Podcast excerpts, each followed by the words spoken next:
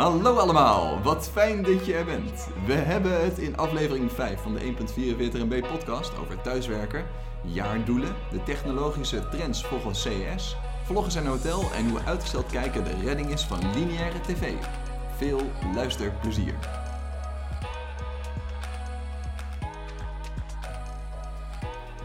Aflevering 1, 2018, jaargang nummer 2. We zijn weer terug, Matthijs. Ja, met alweer de vijfde aflevering. Hoppa, bijna 6 uur aan content hebben we al gecreëerd. Mooi, Nou, mooi. dan zijn we mooi. echte content creators, hè, zijn we nu. We zijn de makers. Hey, eh, jij hebt natuurlijk al aangekondigd in de intro wat we gaan doen. Zullen we er gelijk induiken? Zeker weten.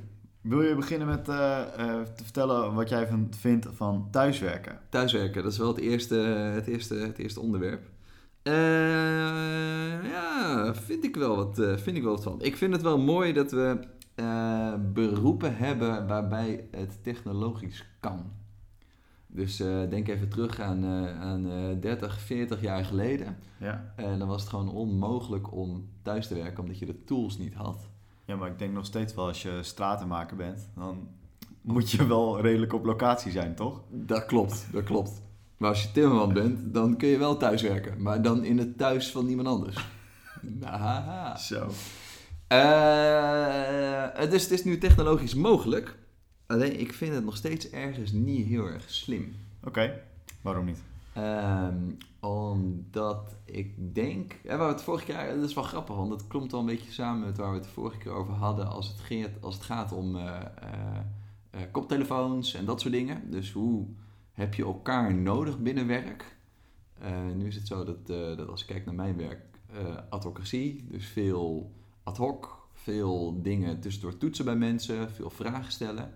Ik ben heel erg bang dat als mensen thuis gaan werken, dat dat allemaal veel minder soepel verloopt. Neem niet weg dat ik niet geloof in thuiswerken. Ik denk dat als je een, een taak hebt die je bijvoorbeeld even moet crunchen eh, omdat, je, omdat je iets heel belangrijks moet doen, bijvoorbeeld eh, acht uur lang aan een verslag eh, typen of zo, dat je dat ook prima op een andere plek zou kunnen doen.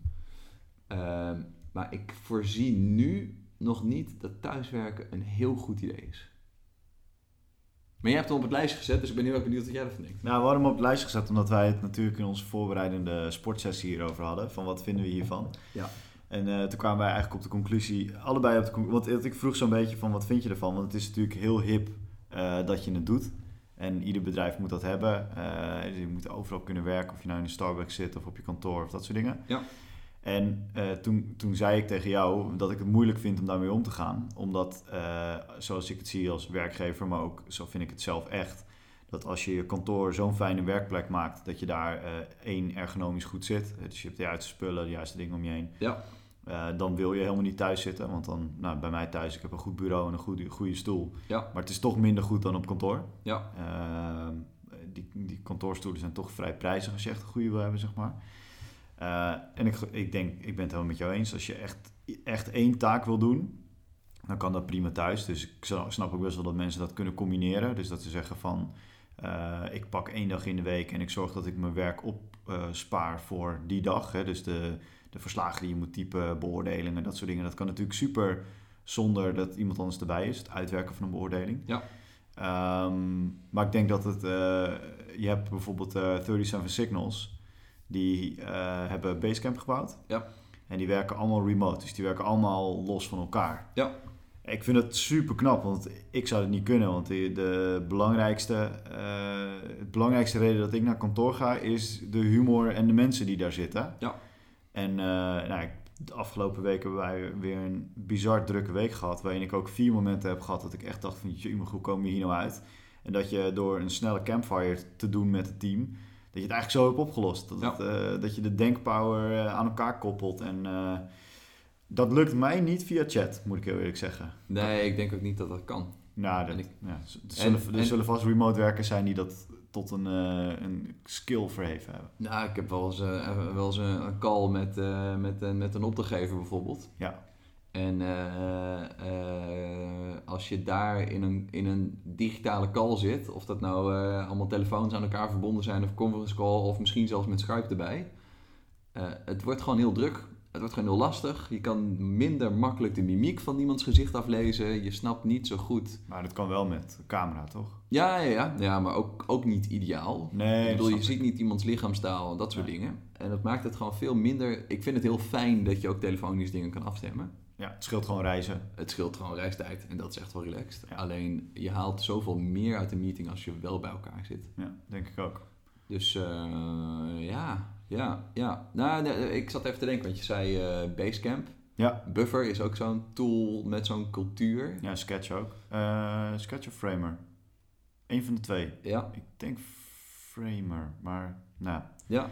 Maar ik, denk, ik, ik heb het idee dat als je werkt aan één product met lange Ja. termijn doelen en dat soort dingen, dan zit je veel minder in de.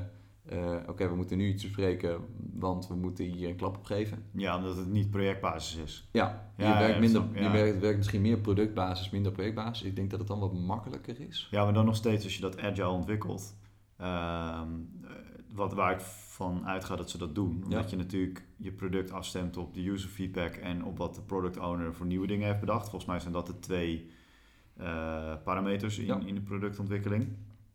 Ehm, dan is daarin het ook wel fijn om te kunnen sparren, om te kijken van, want heel vaak willen users iets. Ja. Ik geloof dat die uitspraak van Henry Ford was, als ik mensen had gevraagd wat ze hadden gewild, dan zeiden ze een sneller paard. Ja. Eh, dus je moet het wel omzetten naar iets waar je in je product iets mee kan. Juist. Oké. Dus wat is onze conclusie? hier? Oh, dit is onze conclusie. Eh, thuiswerken. Ja, eh, beter niet in de industrie en in de tak van sport waarin wij werken. ja. Omdat het creatief is. Eh, omdat we een creatief beroep hebben en dus, dus sneller een beroep moeten doen op de mensen om je heen. Ja, En als je één lange, forse taak hebt, dan kan het. dan zou dat een uitzondering moeten zijn. Ja, Alleen dan vind ik eigenlijk wel dat, als je als, dat, je, eh, dat, je, dat wij in onze werkgeversrol even moeten zorgen dat we mensen faciliteren om dan die rustige plek te krijgen. ja op En dan werk. Op je werk. Ja, dat, dat, dat vind ik dus ook. Ja, nee, dat, ja daar, dat vind ik dus ook. Mooi. Want ik denk dat inderdaad als je naar huis moet gaan om je af te kunnen sluiten om zo'n taak te kunnen doen, dan is er Is er iets mis met je kantoor. Is er iets meer met je kantoorplek? Ja, en wij zijn nu bezig, ik ben met Oscar bezig om een nieuw kantoor vorm te geven. Dus niet alleen gewoon een pand zoeken, maar ook te kijken van hoe ziet die inrichting er dan uit in 2020, zeg maar. Ja. Ehm, want wij hebben, wat heel veel van onze klanten vinden, een hip kantoor, maar het ziet er al bijna tien jaar hetzelfde uit. Ja. Dus ik denk dat het tijd voor is voor iets nieuws. En daar zit dit ook wel in. Ja. Heb je dat van Apple gezien, wat ze gedaan hebben in die spaceship? Ja, met, met eh, geforceerde ontmoetingsplekken en dat soort dingen toch? Ja, ook, maar... Loopstromen ehm, en, ze- ja, dat. Maar ze hebben dus ook eh, ruimtes waar je in gaat zitten. En eh, daar kun je dus in afschermen, maar ook met een team zitten. En daar wordt ook het, eh, de kleur van het licht wordt afgestemd op hetgene wat je wil doen. Dus je kan daar werken, dus je kan eh ge-energized worden, maar je kan daar dus ook slapen. Eh, en dan doet hij relaxing en past hij muziek, maar zelfs Ja. eh, zuurstof en zo past hij aan daarop. Cool. Ja, ik geloof wel dat je met dat soort dingen echt wel dingen kan beïnvloeden. Ja, ik denk dat dat de toekomst is. Als je Ja. kijkt naar... Ja. Er zijn heel veel dingen mis hoor met dat Apple kantoor. Ik heb een heel mooi artikel, die zal ik even in de show notes zetten. Want vanaf deze keer hebben we show notes. Dat Mooi. hebben we ook voorbereid en dat ga ik doen. Ja, Uh, maar er is een heel mooi artikel van iemand op Medium. Die heeft het nieuwe kantoor van Apple eh, een recensie gegeven. En er zijn, er zijn heel veel dingen mis. Ehm, maar dit soort dingen vind ik wel echt heel erg slim. ja. ja het is, in Nederland is... eh, we werken voor Schiphol. Ja. En we doen ook dingen voor Schiphol Real Estate. Ja. Dus de vastgoedtak. Oh, is dat de vertaling? Eh, ja, dat is inderdaad te verstaan. Re- Real, eh, echt, ja, oké. En een mooi paradepaadje gaat het nieuwe Microsoft kantoor worden. Want die hebben op Schiphol een hele mooie plek. En ze zijn dat helemaal smart aan het inrichten. Ja. Dus een beetje, je ziet misschien wel eens die Facebook eh, eh, commercials voorbij komen van volgens mij Vodafone over TQ in Amsterdam. Oh, ik dacht eh, over overal vrij kunnen werken met Die met- Vodafone. Die met Bram Hilgerson bedoel je? ja, ja, Ja. zit een heel bekend persoon Ja, ja in. die, die heb ik ook wel eens gezien. Maar ze hebben nu de, de, hoe ze TQ Amsterdam hebben ingericht. Ja, het kantoor oh, van, eh van Boren. Met die kelder ook en zo. Ja. ja. En eh, dat zit ook eh, volgepropt met sensoren. En dat is nu ook iets wat eh, ehm, Microsoft gaat doen met hun pand. Dus slim weten wie waar zit, op welk moment. En ook heel veel met belichting en met flexwerken en eh, dat soort dingen. We hebben daar ooit nog eens een keer een proof of concept voor gebouwd voor een eh, niet nader te noemen groot energiemerk. eh, Cool. met een nieuwe werken-app. Want zij hadden het nieuwe kantoor met het nieuwe werken. Ja. En uit mijn hoofd zeg ik dat er maar 70 of 75 procent van de medewerkers kunnen daadwerkelijk werken op kantoor. Want voor de rest is geen plek. Ja. Omdat ze dat dan helemaal uitgerekend hebben hoeveel er dan is. Maar dat, dat eh, leverde wel eens op dat mensen naar hun vaste quote-unquote plekje gingen. En dat Ja. was er dan niet. Ja.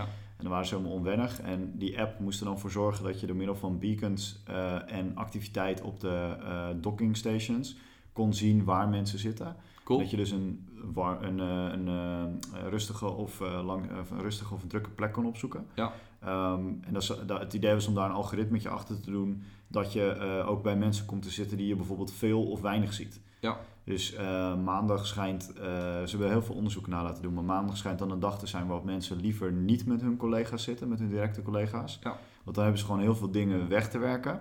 En dan zou het dus super stimuleren als je juist met mensen zit die je nog nooit ontmoet hebt. Ja. Ehm, want dan ga je niet meer keuvelen, maar je gaat ze wel even mee, eh, mee, spreken. En dan kom je weer met iemand anders eh, in aanraking. Ik denk dat dat soort tools heel erg eh, kunnen gaan werken. Zeker. Hetzelfde geldt natuurlijk voor lunchen. Ja. Als je grote bedrijven hebt, waar ze gewoon in één keer en masse met z'n allen naar het cafetaria gaan en dan is het vol. Terwijl je met een simpel algoritme gewoon kan bepalen van jongens, jij moet, jij moet even later gaan. Ja, of gewoon logisch. Als in, bij ons lunchen we in twee shifts. Ja. En eh, heel veel mensen gaan of de eerste of de tweede. ja, maar dat lukt je tot eh 50, 60 man. Ja. Maar daarboven, eh, ja, Of je kantine moet groter. Maar eh, hebben jullie? Flex- nee, dat flex- hebben wij nu niet. Nee, nee, dat is een goede vraag. Nou, dat is dus een van de dingen waar ik nu mijn hoofd over aan het breken ben. Hoe gaan we daarmee om? Want we, wat we nu hebben is dat we eigenlijk met projectteams samen zitten. Ja. En dat wisselen we één keer per jaar, half jaar. Denken we dat het slimmer is om of per expertise te zitten of per projectteam. Ja. Eh, en daar zijn we nog niet uit, want dat doen we al zolang als ik er werk, doen, wisselen we dat al. En dan zeggen we, ja, dit werkt weer geweldig. En dan een half jaar werkt het ineens weer niet. Ja. Ik denk dat die flexibiliteit zit er wel in. Dus dat we heel snel schakelen om, op het moment dat iemand zegt, hey, het werkt voor mij niet meer. Ja. Ehm, en het zijn ook echt geen vaste plekken. Op het moment dat iemand zegt van, ik zit hier niet lekker, dan wisselen we gelijk. Ehm, maar iedereen gaat 's ochtends wel naar een vaste plek toe. Ja. Ehm, ik moet ook zeggen dat we hebben daar toevallig gisteravond over gesproken dat het ietsje moeilijker is geworden. Ja, het is echt wel een nitpicking ding. Sinds Apple nieuwe schermen heeft. Want? Nu, ja, nu kun je niet meer op ieder scherm aansluiten. Omdat je USB-C adapters dan eh, moet hebben. En mensen met een oude laptop moeten dan een adapter hebben Ja. om aan een nieuw scherm te zitten. Maar mensen met een nieuwe laptop kunnen ja, ook met een adapter aan een oud scherm zitten. Juist. Ehm, dus, maar eh, daar zijn we nu mee bezig om dat ook op te lossen, om dat wat- wat flexibeler eh, te maken. Ja. Maar ik zie toch wel veel gewoontedieren ook, die heel graag op een eigen plekje zitten. Ik ben daar zelf ook eentje van.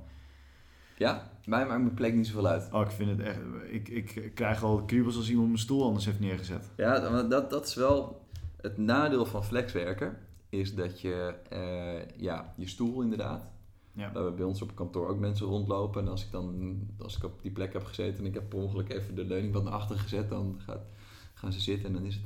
hey, wie heeft er op mijn stoel gezet? Is op zich ook wel logisch. Ja, ik heb er gewoon echt eh, last van. Ik ben wat dat betreft echt eh, niet Ja. gebouwd om zwaar werk te doen. Ja. Ik, ik krijg namelijk al last van mijn rug achter de, achter de computer. Ja, Dus ja. ik, ik heb daar echt last van. Maar ja, dat weet je, dan moet je gewoon je stand onthouden. Dan moet je gewoon een keer opschrijven. ja maar ja, net als met je, met je bureau, als dat te laag staat of Ja. te hoog, dan Ja. werkt ook niet relaxed. Ja, ik, ik, dat, dat, ik ben dus nu aan het kijken naar nieuwe kantoorinrichtingen. Het valt me dus echt tegen hoe de innovatie hierop is.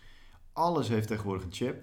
Maar er is nog geen... eh, ik heb dus één demo gezien wat, wat wel heel erg vet is. Van een eh, Japanse eh, vergaderruimte.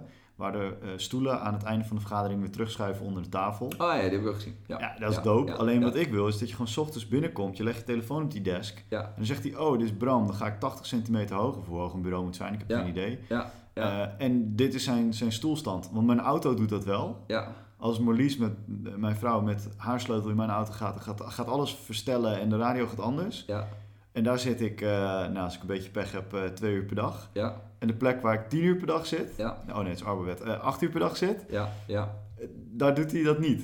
ja. Ik, ik kan het ook niet vinden, ik heb het nog niet gevonden. We hebben nu wel hele vette, in hoogte verstelbare bureaus met zo'n knopje zo. Ja, En, die en dan gaat hij omhoog zo. ja. Nee, dat kun je wel smart maken. ja, maar dat is er nog heel weinig. Ja.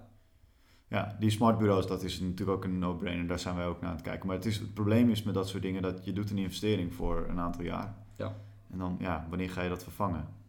Er is nu vraag naar vanuit mijn team al Ja. een tijdje, maar ja, het spul is nog niet afgeschreven. Nee, Dat, nee, eh, nee, nou, nee. Moeilijke dingen, jongen. Verkopen. Oké, Ja, dat kan ook nog, maar ja, dat, dat klinkt, ja, je wilt toch, je focus zit op je business. zeker. Goed. Alles een werkplek.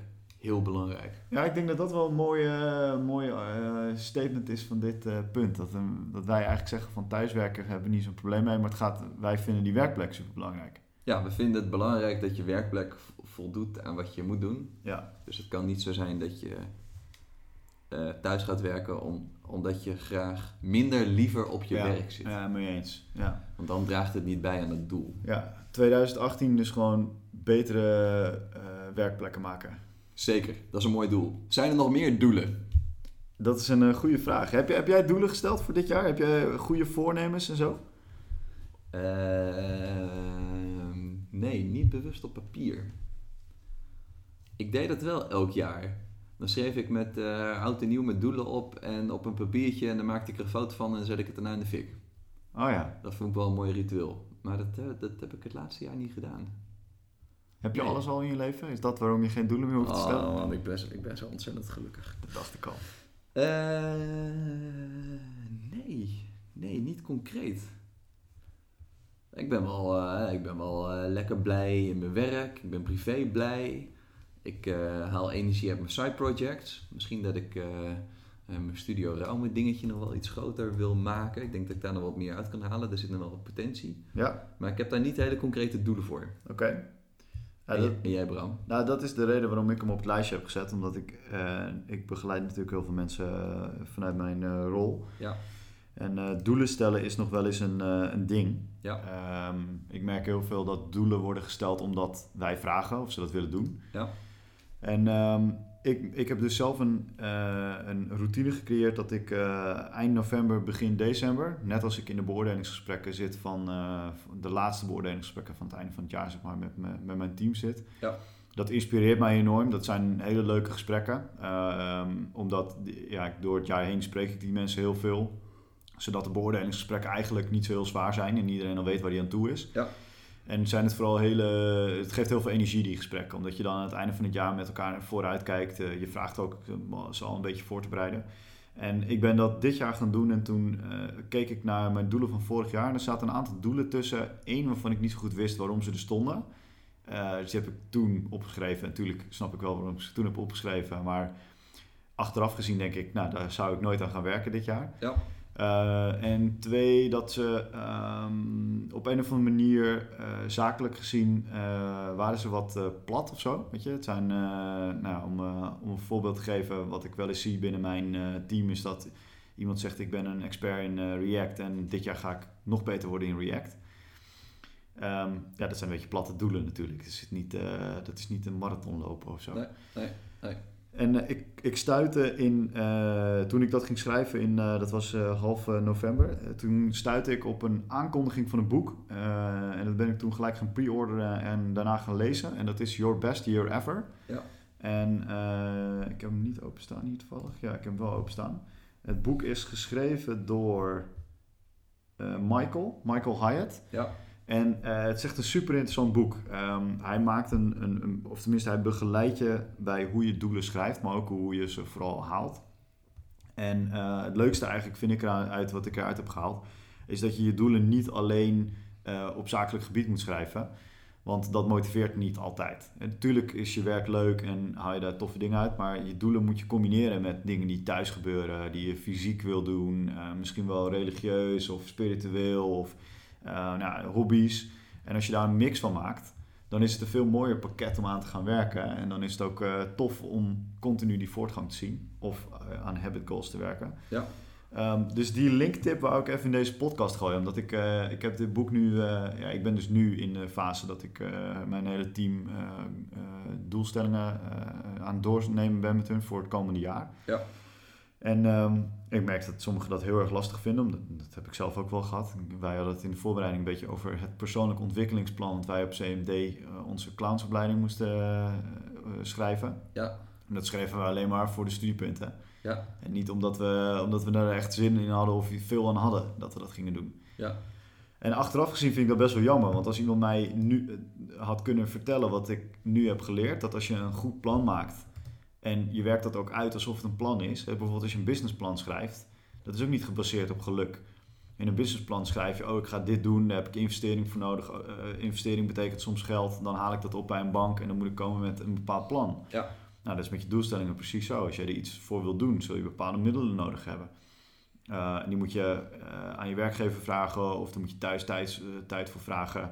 Eh, bijvoorbeeld eh, als je vier keer in de week wil sporten, dan moet je wel thuis overleg hebben hoe, je dat gaat doen. Ja. Wie de, de kat gaat eten geven of zo. whatever. Bijvoorbeeld. Of kinderen, iets met kinderen.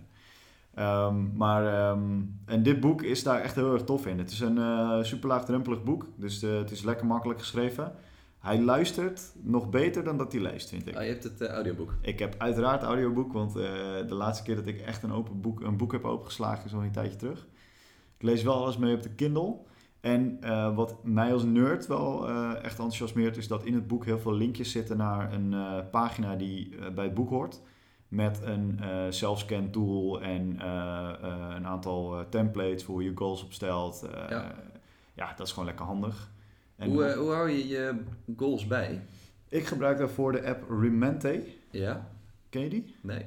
Dat is echt een hele vette app. Dat is R-E-M-E-N-T-E. Eh, ook die zet ik even in de show notes. R-E-M-E-N-T-E. Ja. Ik heb een E te veel getypt. .com. Ja. Best goal setting app for personal and organization goals. Maar het leuke is, ehm, ik heb eh, een jaar of anderhalf geleden heb ik een app gebouwd voor een universiteit in samenwerking met een studio die heet Reframing Studio. Ja.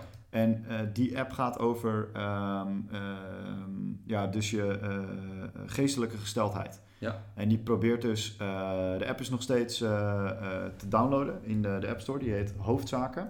En die kun je aan iedereen aanraken, of aanraden waarvan je denkt, oké, die zit even niet zo goed in zijn vel, maar wat is er nou met hem aan de hand? En de app heet dus Hoofdzaken. Ja. Ehm, ik zal hem ook even in de, hoe heet het zetten? In de eh, show notes zetten. Ja.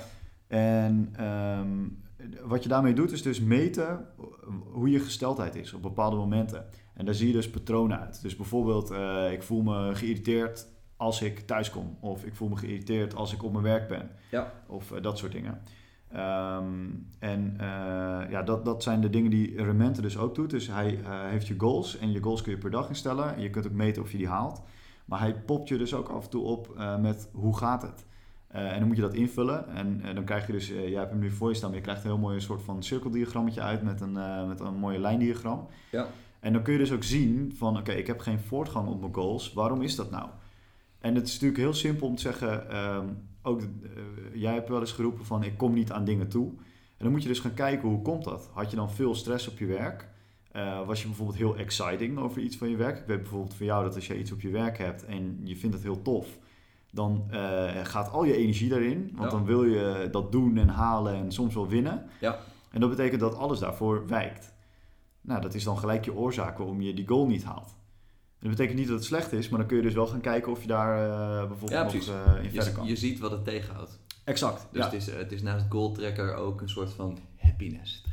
Het is, eh, ja, het, nee, het is echt een happiness tracker. Ehm, ja, en, eh, en dat doet hij dan op, eh, ze noemen dat life balance. Ja. Dat doet hij dan op allemaal vlakken. Ehm, dus eh, ook hoe gaat het bijvoorbeeld financieel, met je relatie, met je kinderen ehm, en dat soort eh, vlakken. Ik zie dat ze ook premium dingen hebben. Is dat het waard? Ik heb tot nu toe nog niet hoeven betalen, moet ik heel eerlijk zeggen. Je doet alles lekker gratis.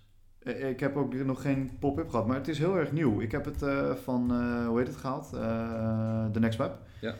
Ehm, en tot nu toe heb ik nog niet hoeven betalen ervoor. Offers in-app purchases. Dus het is, eh, ja, het is echt een aanrader wat mij betreft. Ik, helemaal omdat hij mobiel is en ze hebben nu een beta.rementa.com. En Ja. daar, kun je dus, daar kun je het op web ook doen. Ehm, dus dat is wel een van de mooiere dingen. Die zou ik daar zeker voor gebruiken. Remente. Het helpt echt om, eh, om het te doen. Maar het- de tool is, is alleen maar de tool. Hè. Het gaat om, eh, om wat, je, wat je ermee doet. Snap ik. Maar deze helpt wel, denk ik. Oké. Dus. Nou, te gek. En deze werkt ook voor simpele to-do's trouwens. Want je kan dus ook gewoon, eh, hij vraagt je, s ochtends vraagt hij, wat is het belangrijkste wat je vandaag gaat doen? En dat vind ik echt een kutvraag. Waarom? Nou, heel vaak heb ik dat ik 's ochtends opsta en gewoon naar mijn werk ga. Ja. En dat ik dan denk, ja, wat is het belangrijkste wat ik vandaag ga doen? Ik ga gewoon mijn ding doen. Ja. En dan moet ik echt keihard gaan nadenken over, ja, shit. Als, deze, als ik morgen overlijd... Maar is dat dan, wat is je belangrijkste to-do of zo? Of hoe, eh, Nee, ja, hij, hij formuleert het dus zo dat het eh, voelt alsof je opschrijft... Wat is, het, eh, wat is voor jou het meest belangrijke wat je vandaag gaat doen. Ja. En, ehm, en dat vind ik wel een mooie, want ik ga er altijd over nadenken. Want dan denk ik, ja, soms is het heel simpel. Dan, dan hebben we een mooie kans te winnen. Dan moet ik een, eh, een presentatie maken of een offerte of Ja. die presentatie misschien wel doen. Ja. Dan is het heel makkelijk. Maar er zijn ook dagen dat je eigenlijk gewoon veel kantoorwerk hebt en misschien wat dingetjes gaat wegwerken. En ja, dat zou zomaar eens een verloren dag kunnen zijn. Het is mooi, want ik las op eh, Wait But Why, Ja. ken je natuurlijk. Ja. Die, eh die dude dat, had een super tof artikel en het ging erover dat je... Even kijken hoor. Ja. In elke dag Ja, zitten 100 blokjes van 10 minuten. ja, En als je dat op een rij zet, kijk, dat is dit, eh, dat is dit ritje van 10 bij 10. ja. Dan denk je, holy fuck, dat, Dat is, best wel, veel. dat is best wel veel tijd. En dit is inclusief slaaptijd. Ja, nee, slaaptijd gaat er al, eh, is er al af. Oké, Dus je hebt eh 100 keer 10 minuten, want eh, hij gaat ervan uit dat je x tijd eh, kijken hoor. Eh, Stel dat je 7 of 8 uur slaapt, dan heb je 16 of 17 uur over. Dat is ongeveer eh 1000 minuten. Ja. En die 1000 minuten, dat zijn dan dus eh 110 minuten blokjes. Nou, vond ik best wel, best wel vet. ja, dat is een mooi inzicht. Ja, zo van, ja, je kan nu wel gaan Facebooken, maar denk er wel even aan dat. Ja. Ja, Dat dan, je- eh, dan verpruts je één blokje. Die je ook aan andere dingen had kunnen besteden. Nou. Precies, precies. Man, hebben we, het in, hebben we het in één keer over productiviteit. Oh ja, sorry. The wait but why. Moet ik even het linkje in de show notes? eh? Ja, we zetten, we zetten alle linkjes in de show notes. eh, want die hebben we nu. Dus dan doen we dat ook, eh, dan doen we dat ook gewoon netjes. Even kijken.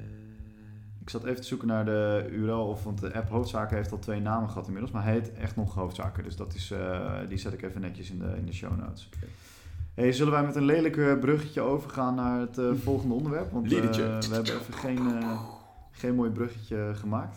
Nee, we gaan het hebben over eh, technologische ontwikkelingen. Ja, zullen we zat- beginnen bij, eh, bij 6? Ja, dat vind ik goed, want dat, daar hebben we wel een bruggetje naar het volgende onderwerp, dus dat komt wel goed. Eh, ik zat even na te pluizen wat er op... elk jaar is, in het begin van het jaar, is in Las Vegas de CES Consumer Electronics Show. mij. En eh, er zijn twee momenten in het jaar waarop nieuwe dingen worden gelanceerd. Dat is op de 6 en dat is op de...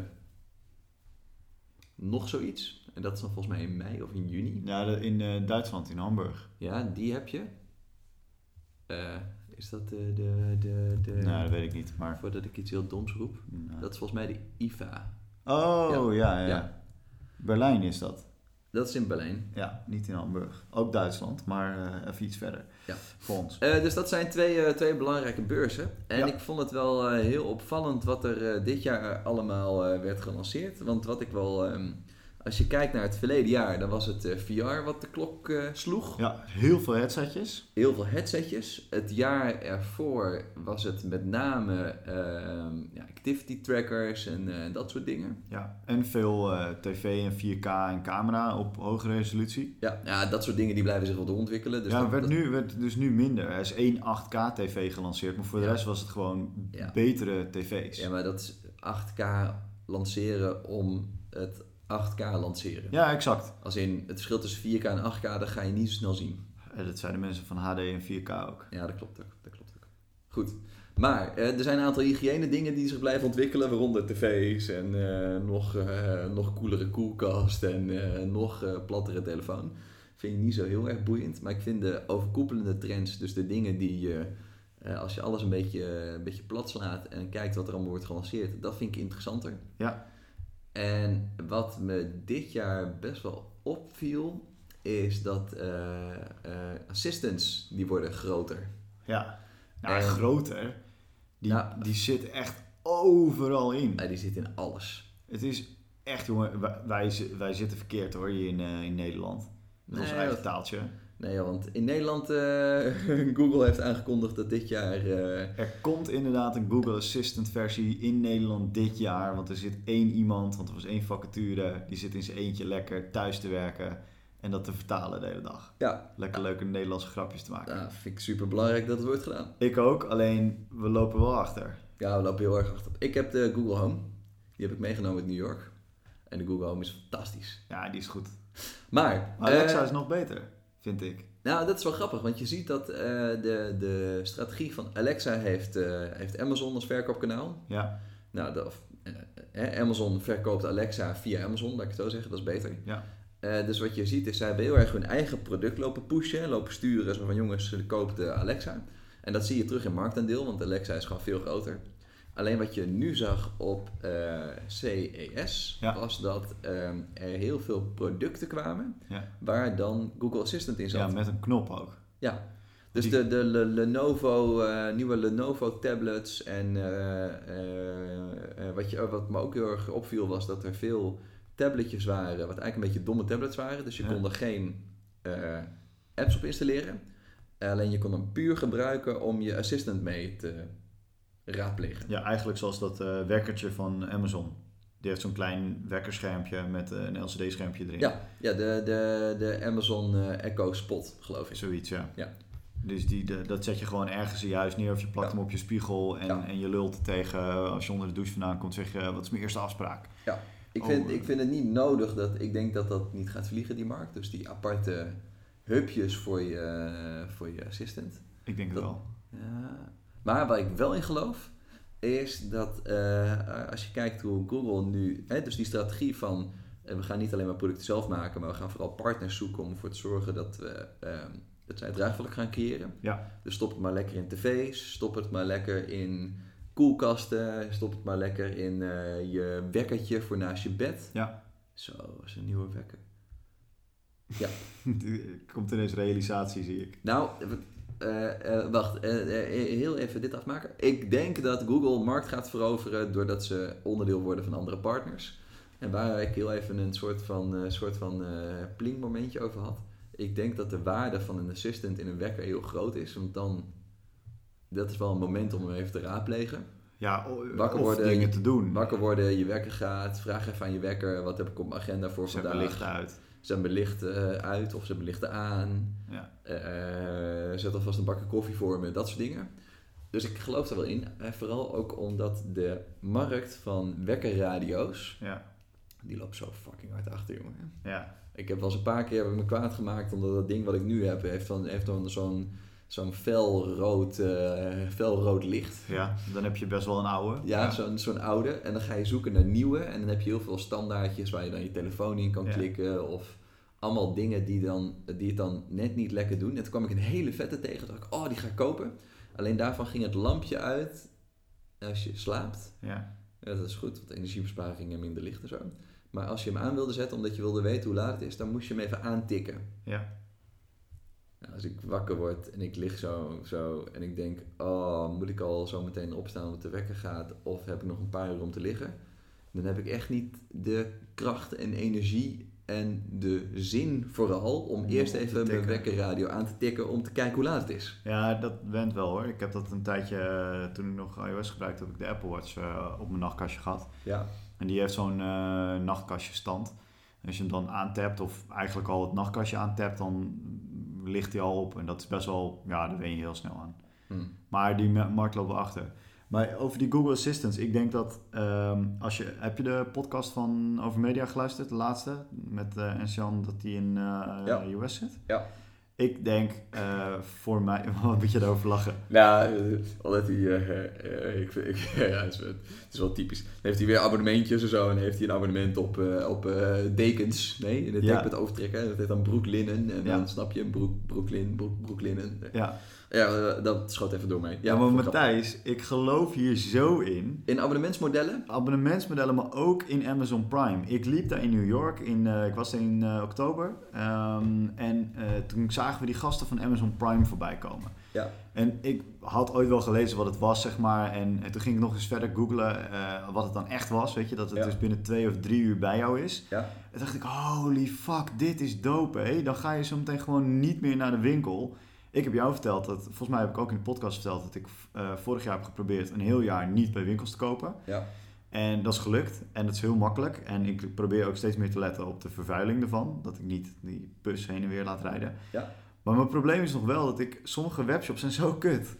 Als ik gewoon... eh, ik, ik heb nu een nieuwe opticien die wordt verbouwd. Net twee weken nadat ik daar weer klant ben geworden. En ze hebben me te weinig vloeistof meegegeven. Dus dat moest ik ergens gaan bestellen. Ik zou er echt een moord voor doen als ik binnen kon, kon komen en ze roepen joh, bestel of diezelfde eh, optimist of zo heb ik eh, wat erin moet. eh, wat ik al had. En zorg even dat ik dat morgenochtend heb, want het is leeg.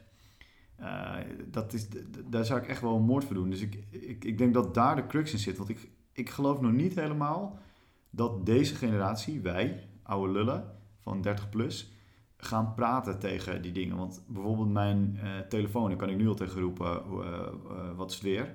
En dat is toch wel een van de dingen die ik ochtends check. Dan weet ik of, hoe druk het is op de weg en of het regent Ja. of niet. Ja. Is mijn trein verlaat. Dat kan je allemaal roepen tegen Siri of tegen Google Assistant. Google Assistant wel weer, maar niet je trein. Maar niemand doet dat. Jij doet dat niet, toch? Nee. Dus ik denk dat pas de volgende generatie die lult te horen van onze kop. Maar heb jij niet gewoon eh, in het lenzenvloeistof voorbeeld, je gaat niet zeggen, oké eh, Google, eh, bestel even mijn vorige lenzenvloeistof en ik wil het graag morgenochtend in huis hebben, want ik heb morgenmiddag een afspraak. Nee, wat ik ga doen is zeggen: Oké, Google, bestel lenzenvloeistof. Dat gaat ook gewoon aan, hè, nu. Ehm, maar dat ga ik zeggen. En als je, ik gebruik Inbox van Google. Ja. En die filtert alles al zo slim. Die zegt al van, oh, eh, dat nieuwe recept van de, van de opticien, dat is dus een recept. En dat is een medical ding, zegt hij dan. Hij zegt al gelijk, dit is een reis. Dus dat weet hij al. Dat hebben ze al gefixt. Dus ik hoef niet meer te zeggen dat het de optimist is en hoeveel ik wil hebben. En wanneer hij het moet bezorgen, dat moet dus de Prime-oplossing zijn. Want met Prime, als ik het goed begrijp, kun je ervoor kiezen om eh, dingen te krijgen direct als jij het wilt. Dus je zegt van, geef mij nu dit. Ja. Of je hebt een soort van standaardregel waarin hem auto-closed. Dat hij zegt van, je blijft shit toevoegen. Ja. En dan heb je zeg maar op dinsdag een auto-close moment en dan brengt hij het op woensdag of zo. Ja. Nou, dat is precies waar ik naar op zoek ben. Ja. Want ik ga nu één keer in de week, of tenminste eh, soms ik, soms iemand anders in mijn huishouden, naar het op pick-up point van de Albert Heijn. Ja. En eh, ik zou het echt super chill vinden om daar alles op te halen. Ja. Want ik heb nu trouwens, mijn eh, tankstation is eh, m- mijn go-to place geworden. Want het is een pick-up point van UPS, DHL en Scala of zo. Nice. Echt super chill. Ja. En ik laat alles daar bezorgen. Ja. Ja, dat eh, doe ik niet alleen. Want dat, dat benzinestation dat bestaat dus nog enkel uit pakketjes. En Ja. daar, daar zit mijn vrouw zit zeg maar als een soort van koningin tussen die dozen. Ja. Ja. Eh, en er wordt ook nog een beetje benzine verkocht. Het is echt, eh, en het is dus bij mij het dorp. Hè? Dus ik hoef er niet dan een eh, kilometer voor om te rijden. Het is echt bij mij eh, thuis. Maar nog even terug naar dat lenzenvloeistof voorbeeld. Ja man. Heb je niet gewoon een personal assistant nodig? Eentje, zo- zo'n zo eentje van vlees en bloed? Hoezo? Ik, de- de- nee, ik, de- hè? nee, mijn leven is niet zo ingewikkeld dat ik een personal assistant nodig heb. Alleen, ik heb wel meer tech in mijn leven nodig. Ja, maar tech is niet altijd de oplossing. Tech is altijd de oplossing voor alles. En je, hebt, je, hebt, je hebt tegenwoordig best wel vette... Er zijn mensen vanuit, eh, volgens mij, oud Google of nee, andere... weet niet, eh, slimme mensen. Oud Ja. Uber volgens mij. Ja, Die hebben een soort van, ehm, eh, een soort van PA-dienst. ja, En daar betaal je per minuut dat je gebruikt. ja. Ja, ik, we hebben in Nederland hebben we ook een paar van die diensten. Ja, Eh, U-Butler en eh, dat soort Ja, een con-collega van mij die gebruikt ook. En dan maak ik wel eens afspraken met zijn, eh, zijn assistent. Ja, ja, to be honest, ik vind het echt super dom. Maar eh, ja. ik, ik zou me horendol worden als er afspraken in mijn agenda staan... waarvan ik niet weet wie ze gemaakt heeft en waar ze vandaan komen. Ja, oké. Ja, nee, dat, maar, dat- nee, dat- maar ik, dat. Matthijs, nee, ik heb helemaal geen PA nodig. Ik heb gewoon nodig dat dingen slimmer zijn. En nu bijvoorbeeld eh, dat soort dingen als met een, eh, met een eh, lenzenvloeistof vind ik altijd een mooi voorbeeld. Want het is zo'n zo'n dom ding. Ja, maar als ik het niet heb, kan ik niks zien. Dan Ja. moet ik mijn bril op en Ja. dat vind ik niet zo leuk. Ja. Ehm, en één keer per half jaar moet ik een afspraak inplannen om te laten controleren of alles nog goed gaat. Ja. En ja, daar ben ik te lui voor of zo, weet je. Want het zijn allemaal dingen die veel meer prioriteit hebben. Dus dan krijg je ook je lenzenvloeistof niet op tijd. En dit moet gewoon echt in die zuilen zitten. Vind ik. Krijg jij je lenzen thuis bezorgd? Nee. Nou, ik ben dus nu net geswitcht. Eh, want ik zat bij een eh, grote budgetbeuker al in mijn, eh, vanuit mijn studententijd. En die hebben de gang gemaakt van offline naar online. Ondanks dat ik daar één keer per half jaar moet zijn voor een controle. En ik dan gelijk mijn lens kan meenemen. Hebben ze nu gezegd, alles moet online. En dit is een typisch bedrijf wat offline is en online gaat doen. Ja. Het is zo bizar slecht. Oké. Het is zo echt bizar slecht.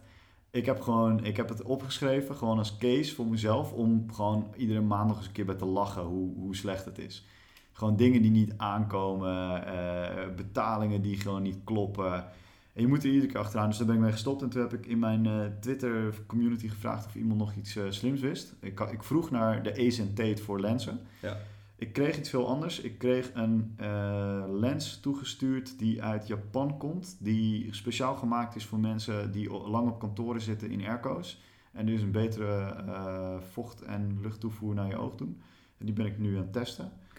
Eh, en die kan ik gewoon bij een, iedere opticien in Amsterdam kon die leveren. Want het was een van de grootste ketens ter wereld of zo. Dus Vet.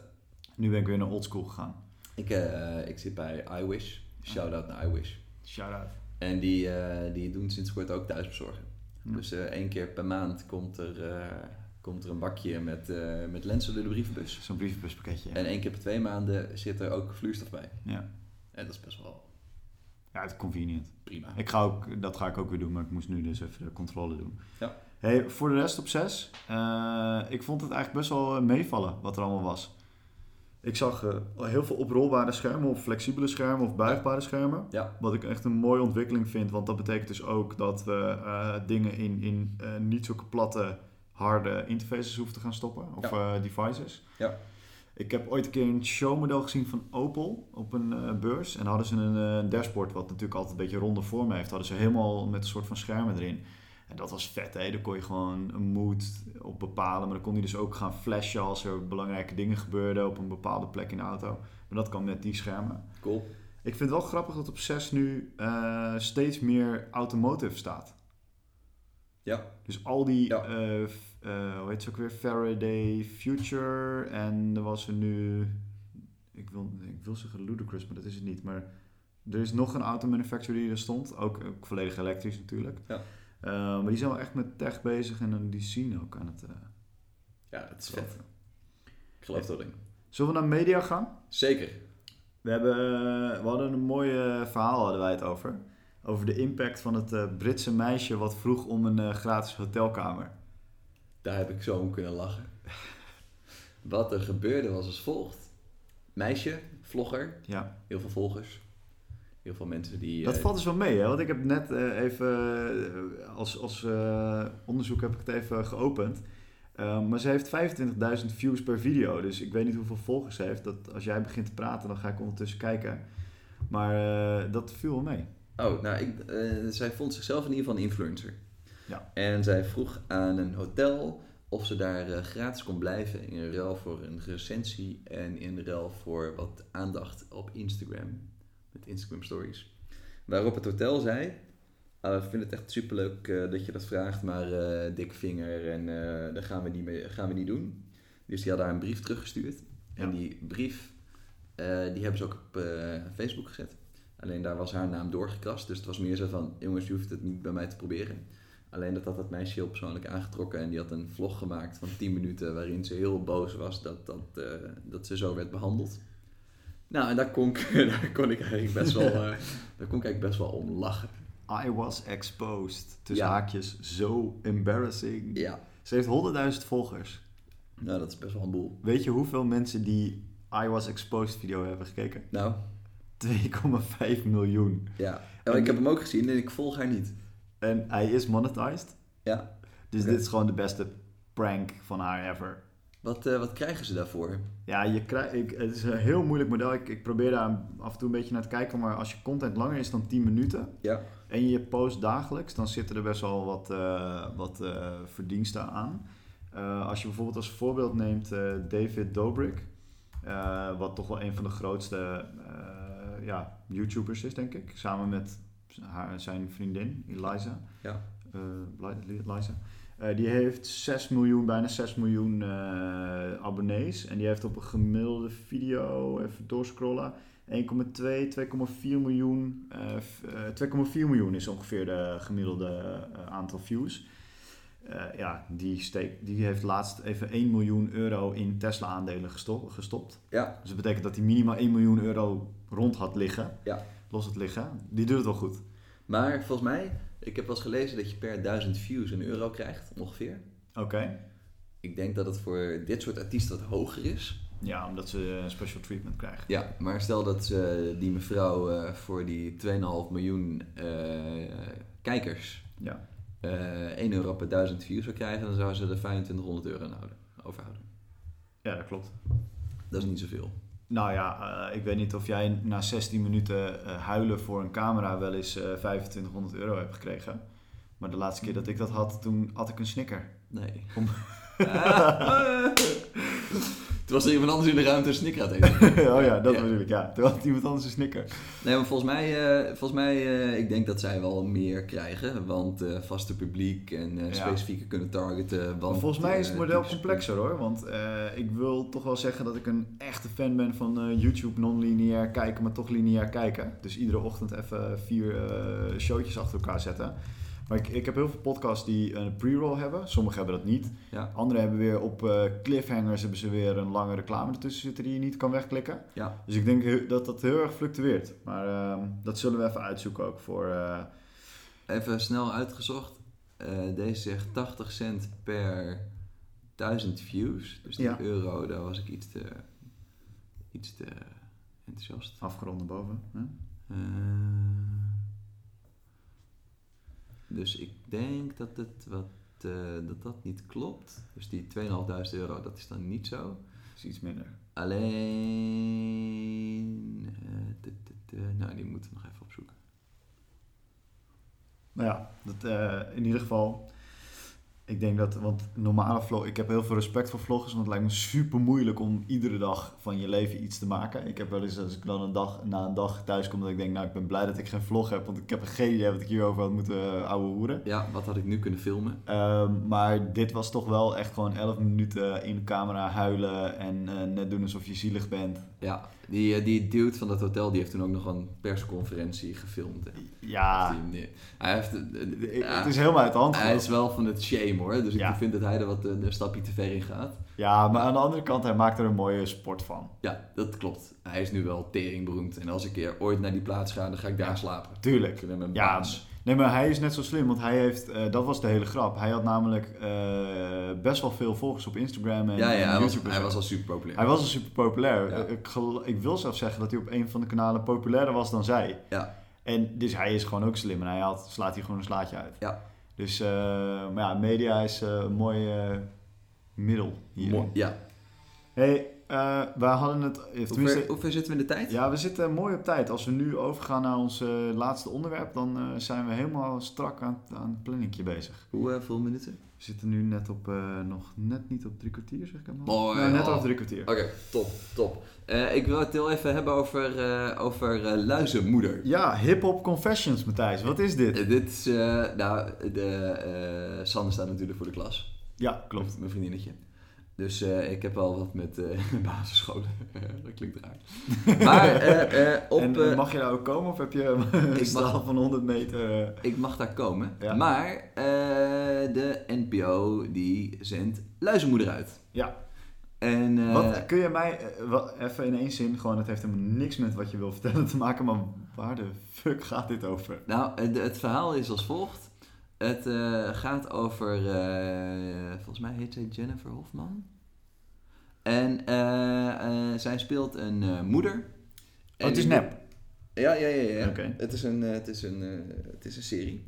En die moeder die brengt voor de eerste dag haar kind naar, naar school. En ze komt erachter wat voor, wat voor achterliggende dynamieken en hiërarchieën daar zijn als het gaat om de ouders van de kinderen. Ja. Dus zij, zij zegt, nou ik wil wel helpen bij de school en dan word ik wel overblijven moeder. En dan zegt die overblijfmoeder, nee, nee, nee, nee, nee, nee, nee. Je wordt eerst luizenmoeder, moet je luizen kammen en daarna word je dit en dan dat en dan zus en dan zo. En dan pas mag je overblijfmoeder worden. Dus, uh, uh, dat, en dit is allemaal vanuit de overheid een promotie om geen kinderen te nemen. Ik, Want dat is erg goed gelukt in deze pitch. Ik, ik, denk dat dat het ik denk dat dat is. Maar goed, waar het vervolgens over gaat is wat er allemaal gebeurt. En juffen, meesters, directeur, alles uitvergroot en mooie rolletjes zo. Maar wat wel leuk was, is um, het is de eerste serie in Nederland die uitgesteld meer is gekeken dan lineair. Sick. Dus dat betekent dat er uh, de eerste aflevering hebben in totaal 1,6 miljoen mensen naar gekeken. Waarvan er uh, 700.000 ongeveer lineair gekeken. Dus die, ja, dus die keken uh, op tv inzeppen dat. Ja, en de rest, ruim 800.000. 844. 844.000, dankjewel Bram. Die hebben het lineair, of die hebben het uitgesteld teruggekeken. Ja. Dus die hebben het letterlijk of op een iPadje of dat soort dingen. Dus wat wel heel tof is, is mijn... Ja, en al heel snel na die uitzending. Dus het is niet in, in vier weken in totaal na de uitzending, maar, nee. want dit artikel is van de, de, maandag nadat het uitgezonden is. Nou, nee, dat klopt niet. Want uh, kijk, de terugkijkcijfers van, uh, van uitgesteld, die zijn na zes dagen wordt het gerapporteerd. Ah, dan, dus dan, is dit, dan is dit de maandag daarna waarschijnlijk. Ja, precies. Ja. Dus de eerste aflevering die is uh, lineair best wel oké okay bekeken, maar opgeteld met uitgesteld erbij nog veel meer. En de tweede aflevering, daarvan zag je dat meer mensen lineair keken dan de eerste aflevering. Ja. Want ze hadden het uh, eerst uitgesteld gekregen. Ja. En wat wel grappig is, is dat het heel doelgroep verjongend werkt. Dus de uitgesteld is het meer bekeken door een jongere doelgroep ja. dan de lineaire tv-kijkers. Ja. Nou, dat vond ik fantastisch.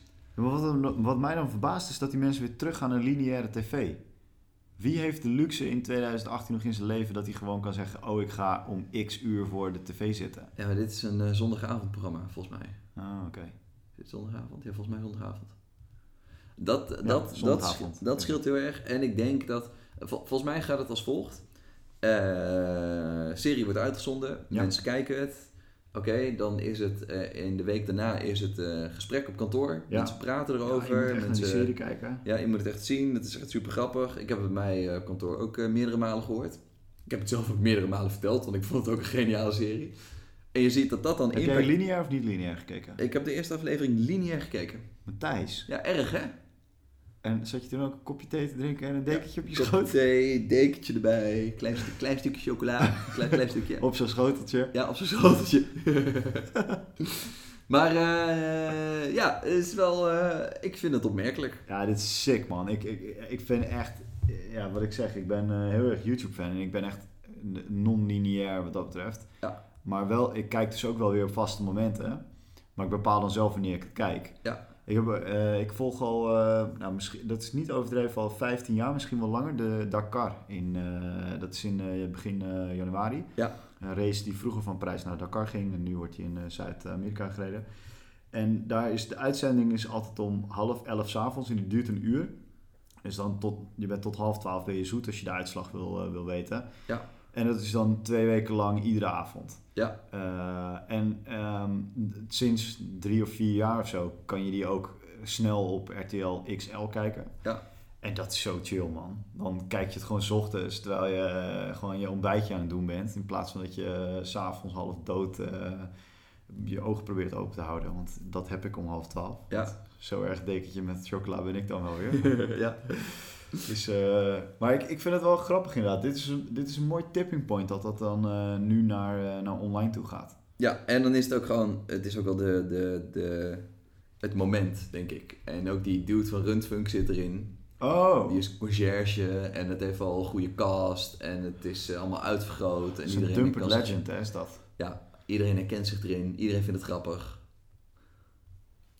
Super mooi. Super mooi. Maar ik denk dat, dat, dat we dit in 2018 wel meer gaan zien. Dat, uh, om toch een beetje vooruit te kijken. Dat uiteindelijk, uh, bijvoorbeeld, je, we hebben het ook al jaren over natuurlijk online e-commerce. Uh, ja. Je hebt geen offline e-commerce, maar over e-commerce ten opzichte van offline shoppen. Ja.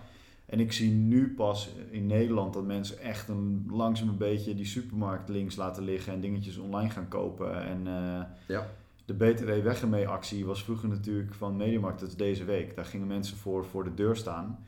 En nu, ik had een paar collega's die dan mee, die een artikel wouden kopen en die klikken dan en dan, ja, je hebt het ook, weet je. Dus je hoeft helemaal niet meer debiel te doen in de winkel. En, Ja, en andere partijen spelen erop in. Maatje van me, die kocht een nieuwe wasmachine. Die wou hem Ja. bij Mediamarkt kopen, want BTW weg ermee. ja, het was ergens anders goedkoper. En toen zei Coolblue, hé hey joh, eh, kom maar bij ons, we hebben het voor dezelfde prijs. Ik heb een collega die, die twee keer 50 minuten met twee partijen aan de lijn heeft gezeten om ook dat inderdaad eh, voor elkaar te krijgen. En ze dan tegen elkaar uit te spelen. En Nou ja, ja, prima weet je, hoe laag kan je gaan? Jeffrey, hoe is dat afgelopen? Uiteindelijk heeft hij geen korting gehad. Lekker Jeffrey! Mooi. Dus, eh, maar eh, mijn advies is altijd gewoon tweakers. Gewoon price watch en dan komt hij dus nog wel. Maar wa- waar we het zo hadden, ik denk dat je dus echt wel gaat zien dat eindelijk nu dingen overgenomen worden door online. Ja, Want dat is eh, bijvoorbeeld met lineair en niet-lineair tv's, dat, eh, dat duurt ook wel lang, vind ik. zeker. Het zijn echt mensen die gewoon thuiskomen en dan eh, op het klikkassie klikken om, om tv aan te zetten. Ja, Terwijl ik echt heel specifiek kijk naar dingen die, ik, die me echt interesseren. En waar ik hopelijk ook nog wat slimmer van word. Maar jongen, platte lineaire tv is ook wel lekker soms hoor. Nee, ik kijk dat nooit. Maar... Gewoon een beetje eh, zap zo. Oké. Hey, eh, dat was hem alweer. We, gaan, eh, we hadden een goed voornemen om binnen een uur te houden. Ja. Nou, dat is gelukt. Mooi. Dus we hebben alle onderwerpen, we hebben er eentje even doorgeschoven. Maar die komt vast gewoon een keer terug. Ja. En ehm, eh, ja, wa- wat wil je nog zeggen over de podcast voor dit jaar? Wat gaan we doen? Wat zijn onze jaardoelen voor de podcast? Ja, ik zou wel een keer een gast erbij willen hebben. Ah, dat lijkt me ook wel leuk. En eh, ik zou ook wel eens een keer ergens op locatie willen opnemen. Oké. Dus dat we ergens uitgenodigd worden om eh, een podcast te gaan opnemen. Nou, even een oproep aan alle, alle tien luisteraars. en ik denk ook dat we eh, boven de 100 luisteraars moeten zitten voor het einde van het eerste kwartaal. Ja, per aflevering. Per aflevering. Nou, dat gaat Ja, lukken. Want we hebben tot nu toe onze achterban via social nog niet ingezet. Omdat Nee. het een beetje eh, nog Ja, spannend was allemaal. Kinderschoenen en zo. Ja. En eh, we hebben... Ga jij even naar iTunes? Want we hebben nog een review voor te lezen. Echt waar? Ja, jongen. En dit is me er eentje. Wacht, ik wil eerst heel even naar Soundcloud om de statistieken Dan zoek ik ondertussen de, de iTunes eh, ding erbij. Oké. Want iemand tipte mij IRL dat er door hemzelf een eh, review was achtergelaten. Maar Bram, wacht even hoor. Want Z- afle- Zitten we over de... aflevering 2... Wacht even, hou me vast Matthijs. Oké, oké. Even, even voor de statistieken, lieve mensen. Aflevering 1 heeft 73 luisteraars. Aflevering 2 100. Aflevering 3 81. En aflevering 4 70. Vind ik best wel vet. Ja, en eentje dus 100. Dat is nummer 2. Ja, dan eh, gaan we naar de 250 in kwartaal 1. Zo, bam. Ja, Zo. kom op. Oké, eh, Maar bring, bring on the review. Oké, hier komt hij. een eh, reviewer met de naam El Nosso Ja. heeft geschreven... Inzichtelijk, leerzaam en divers met een vleugje humor. Een mooie samenkomst van techwereld en inzicht in het bedrijfsleven daaromheen. De overgangen tussen de verschillende onderwerpen mogen iets verfijnder. ja. Waarvoor dus al bij deze onze excuses. Ja. Zodat het ook echt als een geheel gaat voelen. Keep it up en dan een emoji met twee handjes die zo doen. Mooi. Wie, eh, wie is dit? Dit is eh, El Nosso. Eh, die wil waarschijnlijk anoniem blijven, anders dan had hij dat hier niet... Oh, want je zijn collega had getipt, maar die had het niet zelf geschreven. Dat kan ik niet zeggen. Oké. Dankjewel, El Nosso. Nee, dit is Mike is dit. Mike heeft dit geschreven. Dus, Ja. ja. Gek. Dankjewel, Super Mike. tof. Leuk. Eh, wat mij Leuk, wel tegenvalt is dat we vier sterren hebben gekregen uit vijf. Van Mike? Ja, eh, hetzelfde als eh, Jasper Seelen ons ook heeft gegeven. Dus jammer, jammer Jasper Zelen. er zijn hier verbeteringen te halen. Mooi. Ehm, dus dat. Cool. En- Right. maar ik wil ook nog een derde eraan toevoegen. In het buitenland. Oh, ik wil zeggen een adverteerder. Eh, nee, dat hoeft voor mij niet. Oké. Maar eh, als dag en nacht ons ook. Oké, nou vind ik mooi. Dus dan gaan we op een, eh, op een trip die ons helpt om een leuke Gezant in een Nee, of nee, ander nee. tegen restaurantje waar we schnitzel eten. Zeker niet. We gaan nu stoppen. Ja. Anders zitten we over, de, over een uur. We spreken elkaar over een maand. Ja. Tot de volgende podcast. Yes. Later.